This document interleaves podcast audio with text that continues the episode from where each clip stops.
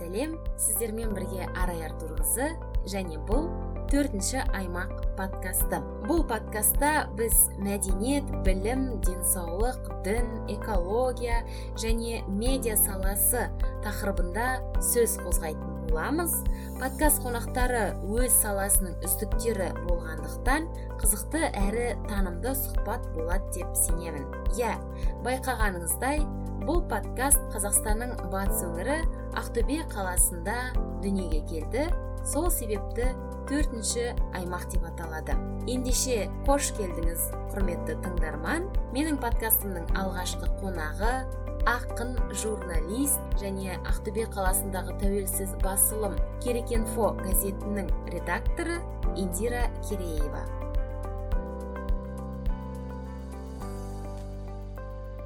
Индира сәлем. Қалыңыз қалай? Өте жақсы. Қош келдіңіз. Рахмет. Көп рахмет сізге. Осындай ұсынысымды қабыл алып келгеніңізге. Енді тақырыбымызға көшпес бұрын алғашқы қысқаша сауал болсын. Сізге арналған. Журналист емес индира қандай? Псих. Жоқ журналист емес индира. Иә есі ауысқан адам деп айта аламын енді ол мына қоғамға сыймайтын қияли қияли иә. Өйткені журналистика деген ол бір өзіңді солдат сияқты сезінетін сала ғой. Ол жерде жауапкершілік өте көп. Өзіңді бір қандай да рамкада ұстап жүресің.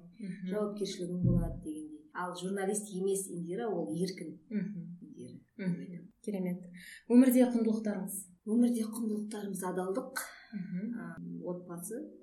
Және ата ананың амандығы соңғы оқыған кітабыңыз туралы? Соңғы оқып жатырмын қазір. Қарғызым. Оралхан бөкейдің қарғызын оқып жатырмын. Ертеректе оқығанмын бірақ қайталап оқып жатырмын. Адам бойындағы қандай қасиетті бағалайсыз? Ең бірінші адалдығын бағалаймын және шынайылығын. Және соңғы сауал өзіңізді патриотпын деп санайсыз ба? Пафоспен жауап беретін болсам иә патриотпын.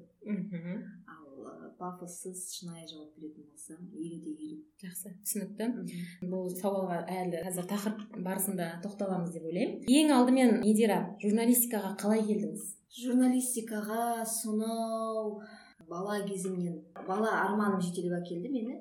Үшінші класста болу керек хабар арнасынан. Дина төлепберген емес өтірік айтамын. Ұмытып отырмын қазір кім екенін. Бір атақты журналистті көріп сол сияқты боламын деп армандадым. Оған кәдімгідей дайындалдым өзім. Ол алыс ауылда біздің үйде ағам филипс деген телевизор алып келген оның осындай коробкасы болатын үлкен. Сол коробканы кесіп телевизор жасап содан өзім соның ішіне кіріп үйде кешке мал жайлап келген. Мал жайлап келген әке шешеме содан жаңалық тарататынмын. Ауылдың жаңалығын ала күшіктің ала тауықтың мысықтың соның барлығын жаңалық қылып жеткізетінмін әкем айтатын менің қызым журналист болады деп. Сол арманым жетелеп қалаға келген кезде де көпсалалы лицейде оқыдым журналистика саласында. Тоғызыншы класстан бастап он бірінші классқа дейін екі жыл. Ә, содан кейін жоғары оқу орнына түскен кезде грантқа қазақ тілі әдебиетіне түсіп тұрған жеріме балым жетіп. Жоқ мен журналист боламын журфакқа журналистика бөлімше. Ол кезде грант жоқ журналистика енді ашылып жатқан ақылы. Сол бөлімге түстім. Шешем әлі күнге дейін өкпелейді. Мына қыз деген тегін оқуға түспей ақылы журналистикаға түсті деп. Әкемнің мүмкін әкемнің қолдауы болған шығар. Өйткені әкем айтты өлсем де тірілсем де өзім оқытамын деді. Сол оқытып әлі күнге есімде жылына жетпіс жеті мың төлейтінбіз оқуға журналистикада. Папам жалақысының ай сайын он мың теңгесін өзі келгенде бөліп оқуға жылдың соңында төлейтін оқудың ақшасын жинап қою керек. Енді қиындау заман болды. Сол әр жалақысының он мың теңгесін жинап отыратын сол қызымның ертең жылдың соңында жетпіс жеті мың шығаруым керек деп. Солай оқыдым. Бес жыл оқып ең қызығы екі мың жетінші жылы нұрдәулет деген тәуелсіз жеке басылым болды. Сол басылымның журналист корреспондент болып тілші болып жұмысқа кірдім. Ол кезде мен төртінші курста оқимын әлі бір жыл оқуым бар студентпін сол жұмысқа кіріп ең алғаш алған жалақым әлі күнге есімде. Он екі мың теңге жалақы ол деген он екі мың ол кезде өте көп ақша сияқты маған. Құнды иә? Құнды. Сол маған өзіме солай құнды да. Он екі мың теңге ақшамды алып мәссаған мен не аламын? Бір байып шала байып қалдым иә? Не істеймін деп. Содан ыыы марқұм жолдасым болды ол кезде сол екеуміз ол да жалақысын алып шыққан ол менен көп алады алпыс мыңдай алады ол мен он екі мың содан екеуміз ұлымызға киім алдық өзіміз киіндік әйтеуір не керек сол он екі мың теңгені кәдімгідей берекелі ақша болды кәдімгі біраз нәрсеге жеткіздік. Керек инфо газеті жалпы қай жылы келдіңіз осы газетке? Екі мың алтыншы жылы желтоқсан айының жиырма алтысынан бастап негізі құрылған.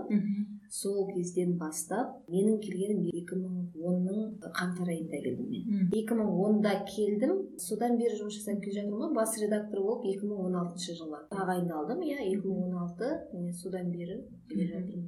Қалай келдіңіз? Өзіңіз іздеп немесе сізді шақырды ма? Бір бір адамға бір себеп болады да ол нәрсе. Мен мына нұрдәулет жабылып қалғаннан кейін кішкентай баламен үйде жаңағы шығармашылық адамда қиын негізінде. Иә.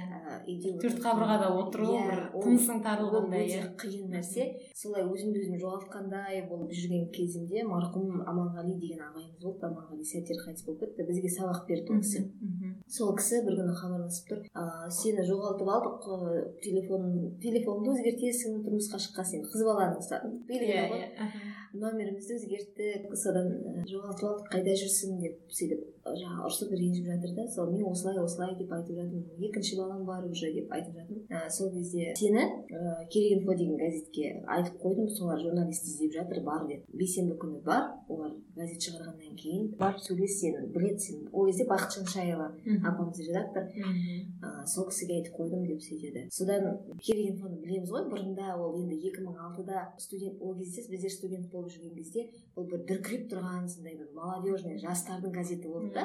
Еркін тың жаңалық ахаш ол кезде редактор болды ең бірінші редактор. Жаңалықты білесің. Ол деген бір креатив жүрген. Жаңалықтың түр түрін шығарады әртүрлі әлемдік жаңалықтар. Тіпті керек инфоның бетінде біздер бұрын соңды көрмеген бұрын соңды оқымаған бұрын соңды болмаған инфографика деген ол кезде біздер енді енді оқып жатырмыз инфографика деген қандай болатынын. Сол инфографиканы газетке ең бірінші қойып визуализация жасап суреттерді жабыстырып фоторепортаж берген. Сол біздің керек инфо ең бірінші сол жаңалықтың ең бірінші идеясы. Сөйткен газет маған бір нью йорк таймстан бір бір нью йорк таймс сияқты маған ол оған бару деген сол айтты сен бар сол жерде сені журналистер іздеп жатыр екен айттым сен осындай осындай журналист келеді деп айттым деп сонымен бейсенбі күні таң атпай тұрып алып сағат тоғызда барсам редакция жабық тұр. Ойладым бұл бұл қалай деп. Сосын қарама қарсы отырған кабинеттегілерден сұрасам а олар деген түстен кейін келеді түске дейін жұмыс жасамайды кеше газет шығарды түске дейін демалады деп. Сонымен күтіп отырдым түске дейін сағат екіге дейін. Сөйтіп екіде бірінші самал абдрахманова деген апай келді ол кезде зам орынбасары болып Ы, сол кісі өте ақ жарқын ақ көңіл сөйлесе келе менің мамамның ауылдасы болып шықты ма? Әйтеуір не керек қарға тамырлы қазақпыз ғой. Содан сол кісімен сөйлесіп отырған кезде бақыт апай келді. Сөйтіп сол жұмысқа алды мені. Ұзын сөздің қысқасы. Сөйтіп келген инфоға екі мың онның қаңтарында кәдімгідей штатқа кіріп ең бірінші жазған мақаламды ақпаратымды. Қазір менің әкем соның бәрін жинап отырады да үйде кәдімгі тіркеп қойған подшипка дейді ғой. Кәдімгі сол ескі сол кездегі ең бірінші нұрдәулеттен бастап жазған мақалаларымды әкем сақтап жүреді керемет оқысам ұяламын. Ой мама. Ана бір ақбұлақ туралы ма бір ақпарат дайындағанмын заметка жасағанмын. Әлде трансэнерго жылу туралы ма қыс қой енді. Сол әйтеуір бір сондай ә, коммуналдық мекеме туралы жасағанмын бірақ ананы оқып ой қазір қарағым келмейді қойшы көрсетпеші. Сонда мен соны жастың бетін қақпай жас дейтінде жаста емеспіз жасымыз жиырма екіге келді сол жиырма үште сол кезде. Қолымызда табақтай диплом. Сонда былай қарасаңыз бақыт апайдың бір жақсылығын айта кету керек шығар. Бір бетімізден қақпай мынау не деп айтпай сөкпей соны жариялап тұрғанына мен қазір бақыт апайдың орнында отырмын маған солай біреу ақпарат әкелсе бетіне лақтырады. Мынау не? Мықты сондай. Қолдау болды иә? үлкен ол қолдау болды. өте үлкен қолдау болды. Сол бақыт апайдың көп үндемей кешігіп келемін балам ауырады үйде қалып қоямын. Бақыт апай үндемей құртатын еді ғой. Мен қазір олай ондай емеспін мен қазір қыздар біледі бірдеңе болса айқайлаймын. Мен қатты ыссы ұстаймын Қызуғанды. иә ал эмоциямды ұстай алмаймын. Мхм. а бақыт апай ол кезде. Үндемей бақыт апай үндемей ұрыспағаннан ұяласың. Ол мен кешігіп келемін ол үндемейді содан ұяламын кәдімгідей ше. Оның сондай маған сондай қатынастан мен ұялып кешікпеуге тырысамын. Бәрібір кешігіп қаламын.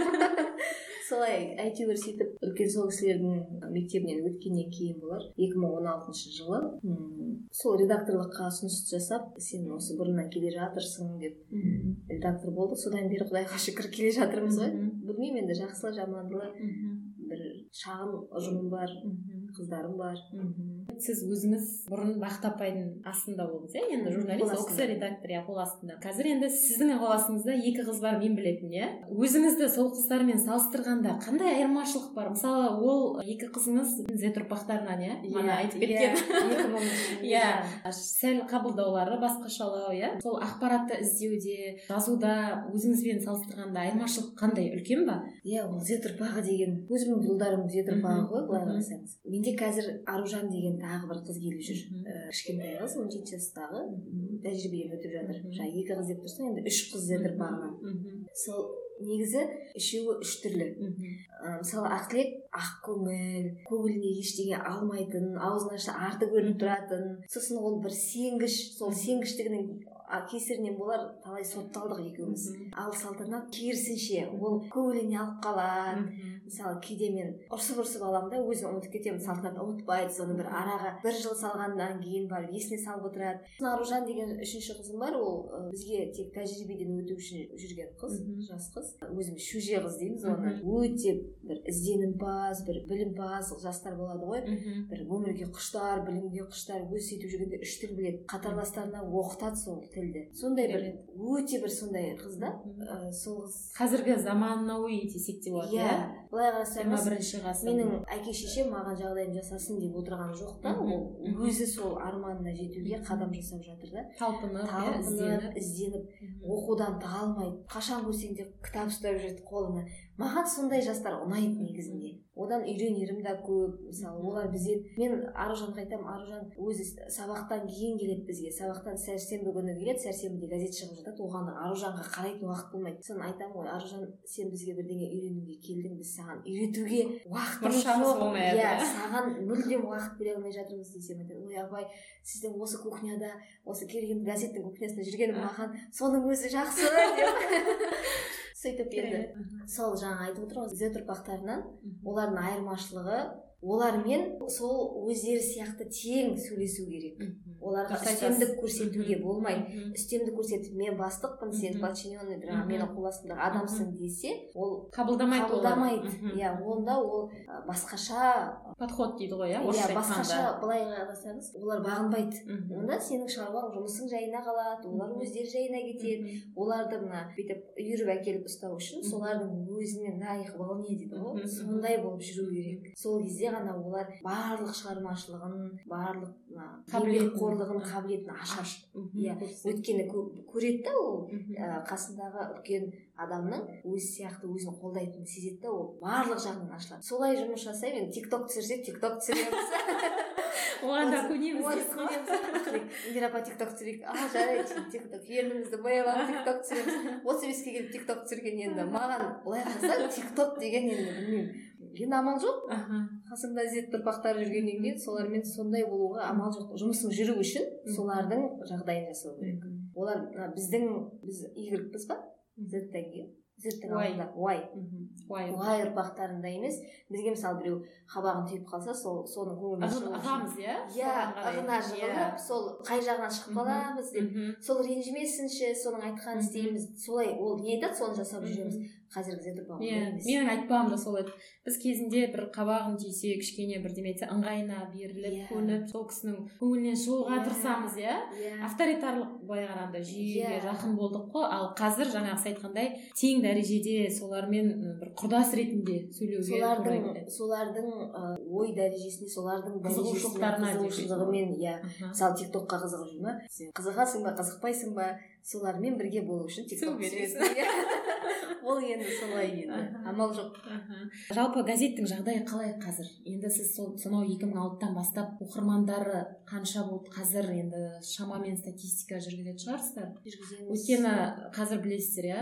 Газет оқудың иә оқитын адам білмеймін ай кем деген сияқты. Ғаламтор бар инстаграм әлеуметтік желі былай айтқанда. Теледидарды да біздің әке шешелеріміз көреді. Қазіргі жастар мен білетін теледидарда қарамайды. Ютуб басты дейсіз Иә.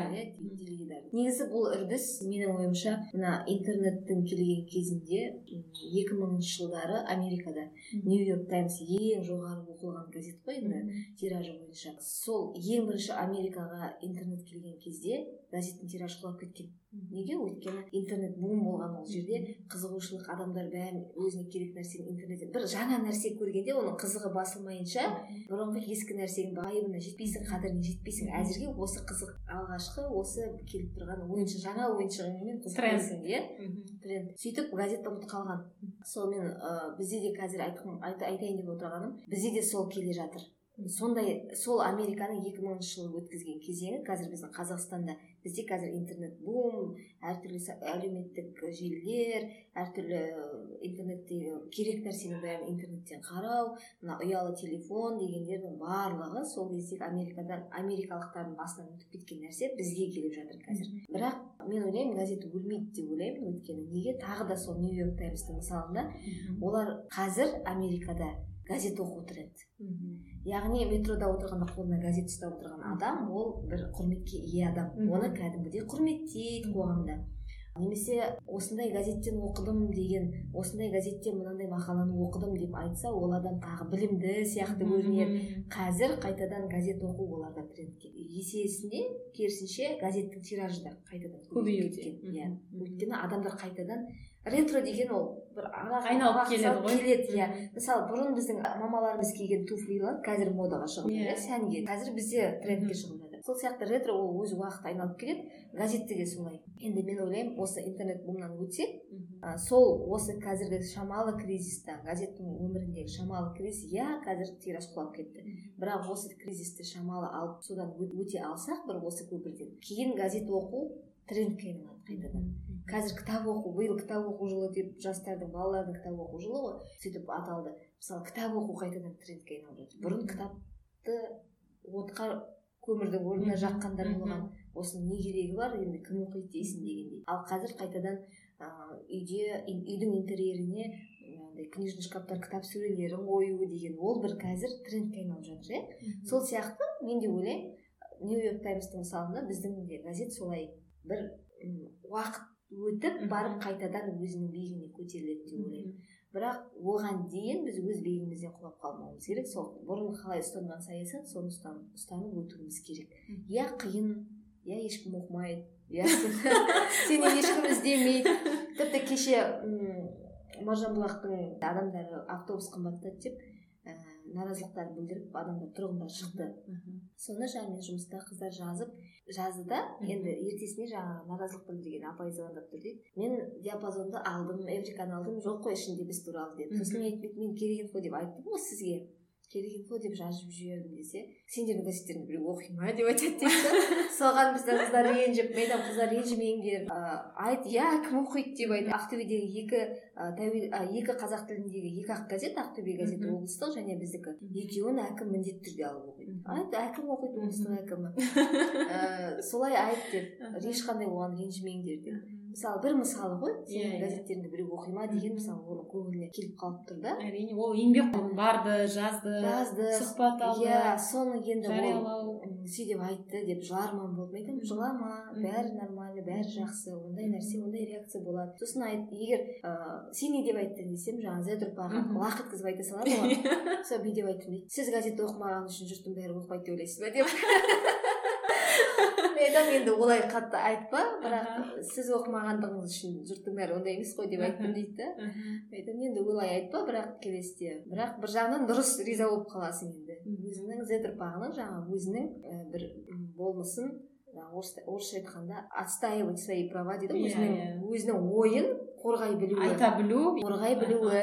Ешқандай жасқаншақ бізде мысалы біз адамның көңіліне қараймыз ол шындығы бізге сол кезде айтса біз үндемей қалатын едік иә біз көңіліне қараймыз ба? Үлкен адамның бетіне алуға болмайды деген бір сондай. Ал ол жаңағыдай сен оқымағаның үшін жұрттың бәрі ондай емес қой деп айтып тастапты мысалы.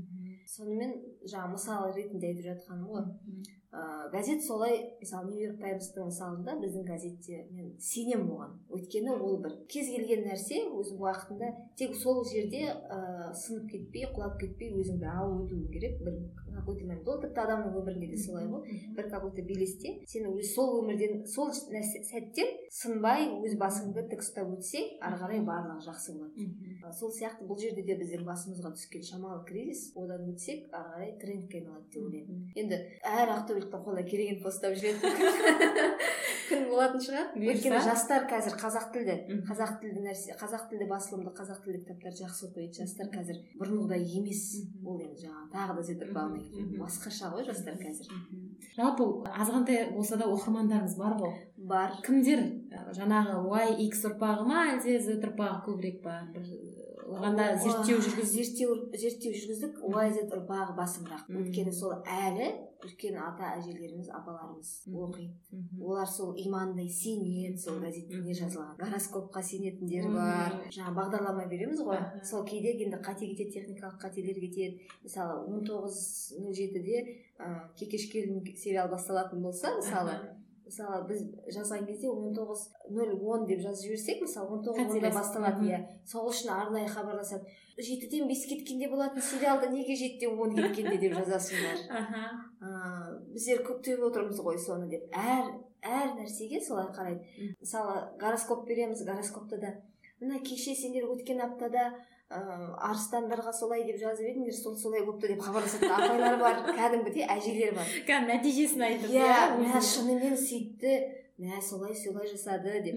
Кеше сегізінші мартқа өзіміздің қыздардың атынан ә, газет бетіне әлем көркі әйелдер деп үлкен құттықтау бердік суреттерімізбен кеше тоқсанда бір ата хабарласып тұр. Мен ана газетті қиып алып қабырғаға керек инфоның көркі қыздар деп жазып қойдым. Суретке түсіріп почтаңа жіберемін деп соны жіберді дәлелдеп содан иә рахмет ата аман болыңыз сіз ауырмаңыз деп енді айтып жатырмын ғой. Мен тоқсандамын керек инфоның көркі қыздар мынандай қыздарды қайдан тауып алғансыңдар деп кәдімгідей соны оқып мынау деген әйгерім деген мынау екен ғой ақтілек деген мынау екен ғой деп. Ол бір жағынан үлкен сыйластық иә? Иә ол бір үлкен сыйластық болар және сол бір үрдістен сол сеніммен құлап қалғымыз келмейді бір жағынан сондай тоқсандағы адамның сөйтіп керек инфо деп тұрғанда біз сол дәрежеде құлап қалғымыз келмейді намысқа тырысамыз иә бір жағынан бір жағынан жаңағы з ұрпақтары оқысын деп аружан деген жаңағы шөже қызымыз бар ғой. Сол шөже қызыма үнемі тапсырма беремін. З ұрпағын сені не қызықтырады сенің айналаңда не қызықтырады? Сендер жалпы не оқығыларың келеді? Сол туралы жазшы. Өзіңнің қатарластарың туралы жаз деп. Сол өткенде маған гүл туралы қызықты деректер деген материал әкеліп тұр. Сосын енді былай қарасаң гүл туралы енді қоғамдық саяси деген атағы бар газетке гүл туралы деген сосын мынаны сәйкес емес дейсіз иә мынаны қалай қылсам екен деп өзінен сұрадым. Аружан мынаны оқыла ма? деп едім. Иә мен деген опрос жүргіздім дейді айналамнан. Сөйтсем жаңағы қыздар гүл туралы мынау үйдің гүл өсіретін үй өсімдіктерін қалай баптау керек? Соған қызығатын қыздар бар екен. Сондай қыздар көп болды солар үшін жасап жатырмын. Дейді жақсы онда бере қояйын бір бетін саған сондай бір з ұрпағын да тарту мақсатында бізде бір сондай нәрселер бар. Сосын з ұрпағы неге қызығады қазір? Мотивацияға қызығады мотивациялық даму. даму поэзияға қызығады бір әлемдік классикалық классикалық жазушылардың шығармаларына қызығады. Сондай нәрселерді үнемі беруге тырысамыз. Енді үнемі беруге тырысқанмен кейде болмай жатады. Өйткені біз ол ұрпақ емеспіз оның қызығушылығын мысалы оның жаңағы тик ток туралы қызығушылық айтып тұрмын ғой тағы да маған мысалы тик ток қызық емес. Ал ол тик токтың шығу тарихы ең алғашқы кім тик ток тиктокер болды ең әлемдегі ең мықты подписчигі көп тиктокер кім деген нәрселер олар қызығады мысалы. Сондай сондай нәрселерді беріп тұруға тырысамыз енді жаңа айтып кеттіңіз қоғамдық саяси газет иә? Жалпы осы қоғамдағы болып жатқан өзекті мәселелерді қаншалықты ашықтық бар иә? Мысалы біз білеміз ыыы билік тарапынан да қысым болады иә? иә. Сол жайында айта кетсеңіз бұл бір ұзақ күрделі тақырып та. Өйткені осы екі мың оннан бері өзім ұзын саны бір жетпіс рет сотталған шығармын. Сотталған шығармын дегенде сотқа тартты журналист ретінде. Енді оның жеңілгенің бар азаматтық іс қой енді жеңілгенің бар жеңілмегенің бар өзіңді өзің қорғап шығуың бар. Ал мына статистика салыстырмалы түрде айтатын болсақ мысалы мемлекеттік бақтарда мысалы ол, ол, жақта судебный процесс дейді соттық осындай шаралар статистика аз. Мына жеке біздің тәуелсіз басылымдарда өте көп. Өйткені тәуелсіз басылымдар жаңағыдай ашықтық жазады бір ә, қоғамда бір әділетсіздік орын алса иә соны көрсетеді мысалы. Оны біреуге біреу жақпайды. Мысалы әділетсіз бір менің өмірімде журналистика ә, тәжірибемде ең бір есімде қалған сот процесі кеңгияқ кеңгияқта болды темір ауданында. Темір ауданында бір шаруа қожалығы қысым көрсетіп қойшының еңбекақысын төлемегені аздай оның өзінің алдындағы аз ғана малын тартып алған. Былай қарасаңыз енді әділетсіздік. Сол туралы жазған кезде ә, шаруа қожалығының бас, басшылығы оған жақпай мені сотқа берді. Енді былай ол жақтың да сөзін айттық мына жақтың да адвокат а сосын осы жерде бір айта кететін жағдай. Тәуелсіз басылымдарды адвокаттар да өте бір құлықсыздық танытады өйткені оларда көбісі бара бермейді де. бара бермейді иә. Әртүрлі сылтау айтып олар да біледі да ол бір елу да елу жеңуі да мүмкін жеңілмеуі да мүмкін деген сияқты. Сол сот процесінде мен жеңілдім. Өйткені жаңағы күштінің бір жерде диірмен тартады деген нақыл бар. Оның адвокаты күшті болды. Мен жеңілдім. Есімде жүз жиырма мыңдай екен ә, штраф төледім айыппұл моральдық ол мені бес миллионға тартты. Содан сот шығындарын азайтып. жүз жиырма мың ба жүз жүз мыңның үстінде ә, моральдық шығын төледім есімде. Сосын ескертпе алдым. Бұдан былай жаңағы ондай мәселелер жазуға болмайды деген сияқты. Ол бірақ ескертпе заң тұрғысында енді былай алып қарасақ бір белгілі бір срок мерзімге ғана беріледі. Одан кейін алып тасталынады содан кейінгі сот бір қылмыстық істерге байланысты болды. А, бұл енді қылмыстық уже уголовный кодекс қылмыстық кодекс өте күрделі. Ол жерде тіпті бас бостандығынан айырылып кетуіңе болады ондай жағдайда. А, бір жағдай болды. Қыздарды алдап жыныстық қатынасқа түсіріп жүрген дәрі беріп сондай бір мәселелер болды. Сол осындай бір бумдар болды. Сол туралы жазған кезде де қылмыстық анау ашылмай қалып мен оны таратып жіберіп ол үлкен резонанс болып кетіп иә содан оның дәлелі болмай қалып солай бір қылмыстық кодекспен де тартылған кезім болды енді. Бірақ әйтеуір не керек барлық ол жерден шықтым. Бірақ тоже сондай ә, ескертпе алдым. Бірақ енді бізді оқытқан кезде ә, айтатын сотты көрмеген журналист журналист емес деп иә. Содан сондай нәрселерді көріп сондай әртүрлі соттық процестерден өткеннен кейін барып әр сөзіңді аңдап әр сөзіңнің артына бір сөз жазсаң он сөз алиби жинап иә? дәлел факт жинап солай жүретін боласың. Өйткені етек жеңіңді жинап өйткені енді ол да оңай емес психологиялық тұрғыдан мысалы сен соққы иә соққы иә. мысалы төрт жылға бас бостандығынан айырылып кетесің десе мысалы ол кімге оңай? Мысалы өте бір күйзелістік депрессиялық жағдайда жүрген кездер болды. Енді құдайға шүкір оның бәрі өтті. Бірақ қазір ойласам сол соттық процестерден өткенім өзіме жақсы болған екен. Ол үлкен сабақ. Есесіне иә үлкен сабақ. Есесіне қазір айналаңдағы жаңағы кішкентай қыздарыңа айтып отырасың. Олар жаңағы энтузиазммен эмоциямен келіп индира апай мына әділетсіздік көріп жатыр екен мына кісі. Ананың сөзіне қарасаң сөйтіпті ол айта береді адам. Оның қолында қандай документ бар? Мысалы біреу айтады анау жемқорлық мектептің директоры ақша жеп қойған оны жемқор дейді мысалы сен оны пәленше ақша жеп қойыпты деп ананың сөзімен жазып қойсаң ол клевета яғни жала. жала жабу. Ана мектептің директоры айтады сен дәлелде қазір құдайға шүкір ашық қой барлығы. Ә, запрос жібересің де ә, антикоррупционный осындай жемқорлықпен тартылды ма? бұл кісі тартылған жоқ па? ол кісі тартылмаса сен оны жемқор деп жаза алмайсың енді мүмкін анау жеке неприязнь дейді ғой жеке басын жек көрушілікпен айтып тұрған шығар мысалы. Сондай нәрселерді бір салқынқандылыққа салынып бір қыздарды солай үйретемін да салқын нейтралды болу иә? Нейтралды болу. Журналист сот емес. Екі жақтың пікірін міндетті түрде алу сосын әлгі адамның айтқан сөздерінің барлығын осы адам айтты тек осы дұрыс екен деп газет бетіне түсіре беруге болмайды. Жаймен менің қыздарым да қазір бұрын енді ақтілек көрді сот салтанат әлі сот көрген жоқ. Журналист ә, мен тәуелсіздік тәуелсіз басылымда жұмыс жасайды тәуелсіз медиада жұмыс жасайды екенмін деп аузына келгенін жазып ойына келгенін істеуге болмайды. Ол бір қандай да бір тұрғыда біздің де ә, жұмысымызды реттейтін бақ туралы заң бар. Сол бақ туралы заңға бағынамыз. Бірақ бақ туралы заң бәрібір журналистің бір бостандығын шектейді. Иә.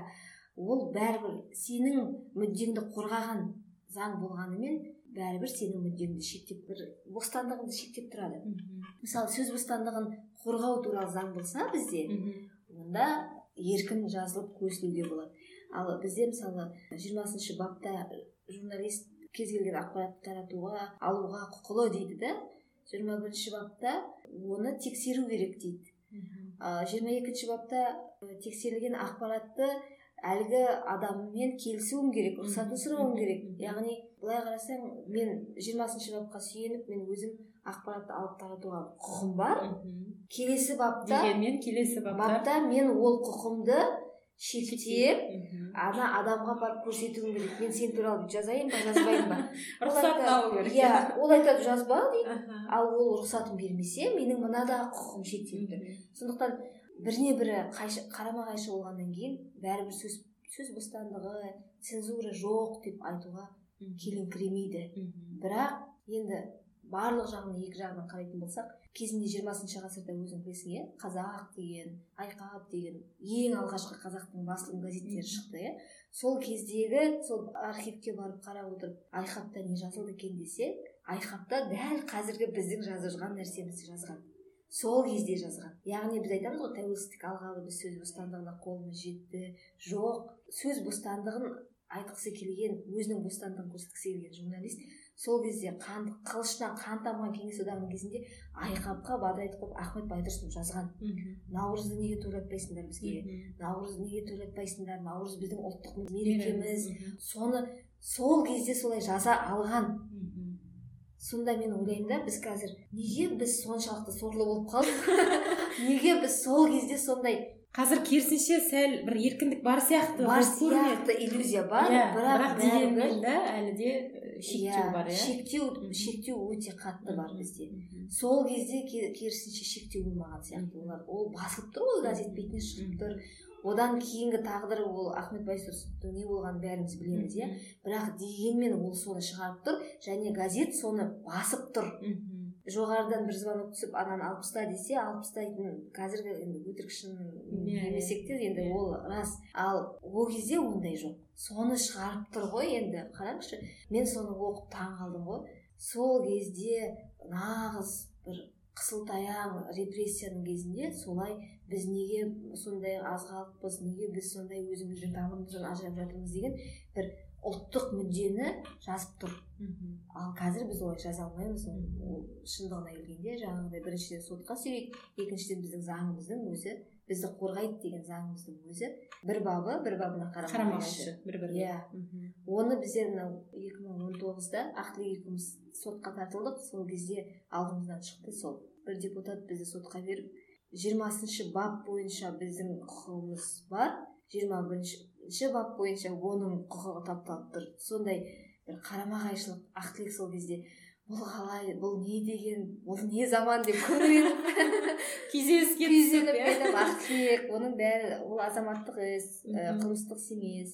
Сондықтан сотқа тартылсаң тартылдың штраф төлесең айыппұл төлесең төлейсің. Онда тұрған ештеңе жоқ. Өмір, өмір жеңіліс пен жеңістен тұрады. Осы жерден жеңілдің келесіде жеңесің дегендей. Солай ә, цензура деген жалпы бізде сөз бостандығы деген енді көп сөздің тоқ етер тоқсан ауыз сөздің тоқ етер дегені жетпіс пайыз цензура отыз пайыз сөз бостандығы ол енді тәуелсіз басылымда жүрген мен солай енді. Бұл жерде қараңызшы сіз жаңа көбінесе жеке адамдарға қатысты айттыңыз иә? Мысалы жаңа біреуі депутат біреуі шаруашылық қожайыны. Менің негізгі сұрағым былай болатын. Белгілі бір тақырыптар бар ғой иә? Мысалы дін.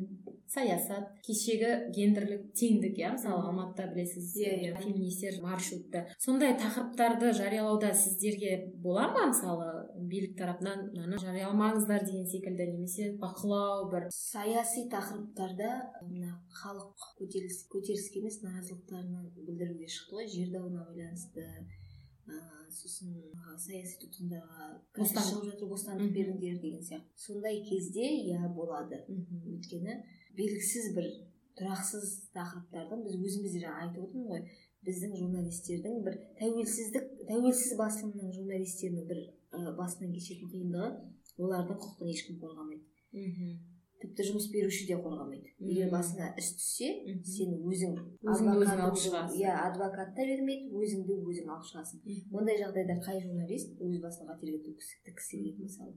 Және мен редактор ретінде жас қыздарды ондай бір ыыы екіұдайлы жерге жұмсағым келмейді. Сондай кезде мен ей жарар бармай ақ қойыңдар деп оларды жібермеймін. Ал ә, феминистер туралы жаңағы лгбт мен лгбт деген ол бір жазсаң ә, пропаганда сияқты болып кетеді қазір ол да заңмен қорғалған иә.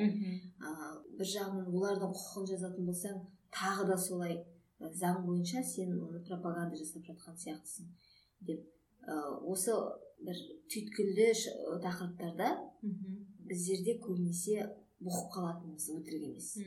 Ал басқаша енді тағы қандай тақырыптарды айттың? Дін. Дін тақырыбында пропаганда болмаса дін тақырыбына жазуға болады. Яғни ә, жаңағы қыру керек жою керек кәпірлерді өлтіру керек деген сияқты ондай ма- ә, намаз оқымағандардың бәрі кәпір бастарына орамал тағып жүріңдер орамал таққандардың кереметсіңдер деген тақырып жазбаймыз енді әрине?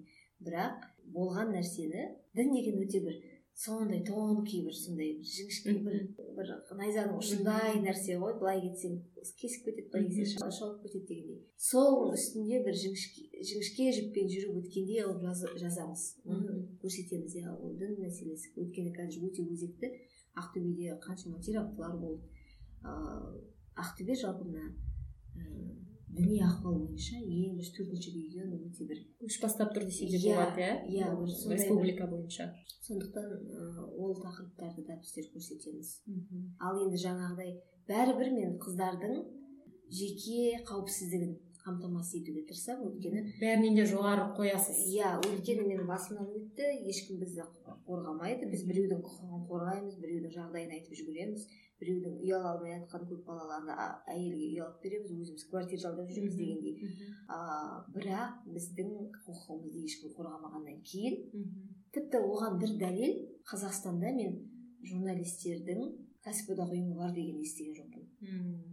Енді енді құрылып жатпаса мысалы олардың бір демалысын ыыы досуг дейді ғой журналистердің денсаулығын бір қадағалайтын кәсіподақ ұйымы болу керек қой. Кез келген ұйымда кәсіподақ ұйымы бар иә. Иә. неге журналистерде жоқ сол?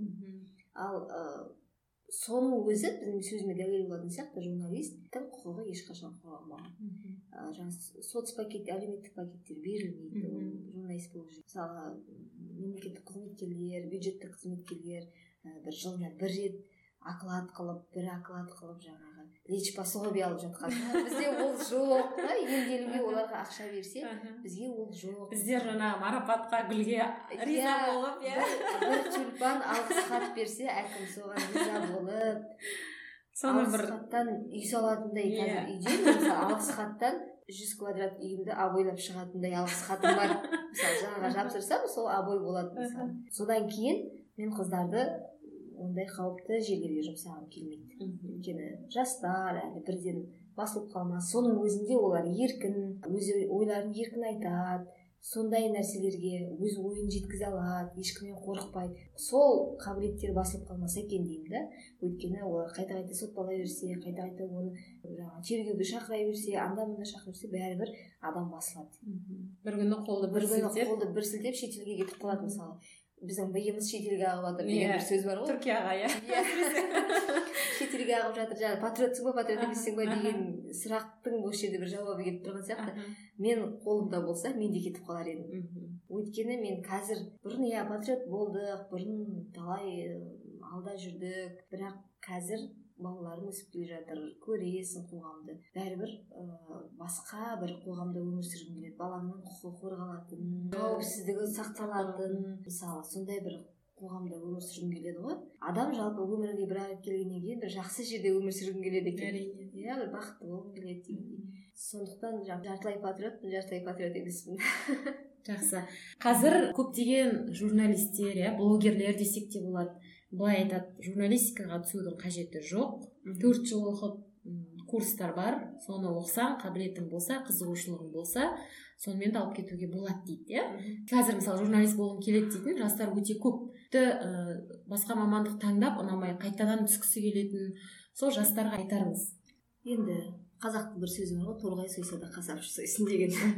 Мен қарсымын негізі сол бірақ журналист ол бір миллионнан бір адамның ғана бойында білімсіз журналист болу журналисттің дипломысыз журналист бола алатын адам бір мыңның біреуінде кездесетін шығар. Мысалы бізде қазір мына филологияның филологияда оқитын студент қыздар келеді оларды былай оқытады екен. Филологиядан оқымай ақ қой филологияға қызықпасаң сен бәрібір журналист те бола аласың. Олар келеді біз журналист бізге сөйлеп айтты журналист бола аласың деп жақсы деймін. Сен журналист болатын болсаң маған қазір элементарно мысалы опрос жинап алып кел адамнан қолына диктофонмен фотоаппаратын беріп жіберемін опрос элементарно опрос алып келе алмайды. Ол қалай журналист болады? Адаммен бір сұрақтың жауабын ана адамнан сұрай алмайтын болса. Ол біріншіден. Екіншіден филологияда оқығаннан кейін менің ойымша олар барлық әйтеуір барлық жазушылардың өлеңдерінен шығармашылығынан хабары болу керек иә? Кім қандай тақырыпта жазды кімнің қандай өлеңі бар? Бір мысал кеше филологияны оқыған қыздарға сендер мен кәдімгі сеніп отырмын да олар оны білетініне. Ол филолог қой өйткені. Мысалы мен журналистиканы оқыдым маған төңкерілген пирамида журналистиканың жанры десе маған ол кәдімгі менің күнде пісіріп жүрген наным сияқты мен оны спокойно көзім жұмып айтып бере аламын иә. Ол да соны оқыды филолог болғаннан кейін ол білу керек. Мен соны білетініне сеніп отырмын оған. Сөйтіп отырып айтамын ана мұхтар шахановтың ғайша деген махаббатты қорғау поэмасындағы ғайша туралы ол не? дейді ғой маған. Ол кім? Мен айтамын ау құдай ау басқа басқа мұхтар шахановтың махаббатты қорғау деген журналист мен білемін махаббатты қорғау поэмасында не туралы ол жерде қандай оқиғалар суреттелген оның кейіпкерлері кім не туралы айтылғанын мен білемін сен қалай білмейсің сен филологсың ғой. А біз оны оқыған жоқпыз. Бізге айтты журналист боласыңдар бәрібір деп айтты дейді да мысалы. Сондай бір журналист та емес филолог та емес. иә екі ортада былай жүріп ана орыстан бір оқып мына жерден бір оқып анадан бір оқып мынадан бір оқып солай сөйтіп шығады мысалы ол дұрыс емес деп ойлаймын. Нақты филологсың ба? Сен өз өз маманың өз салаңның профессионалы болу керек. Әр мамандықтың әр салаға құрметпен қарау керек. Әр саланың өзінің профессионалы кәсіби шебері болу керек шыңына жету керек.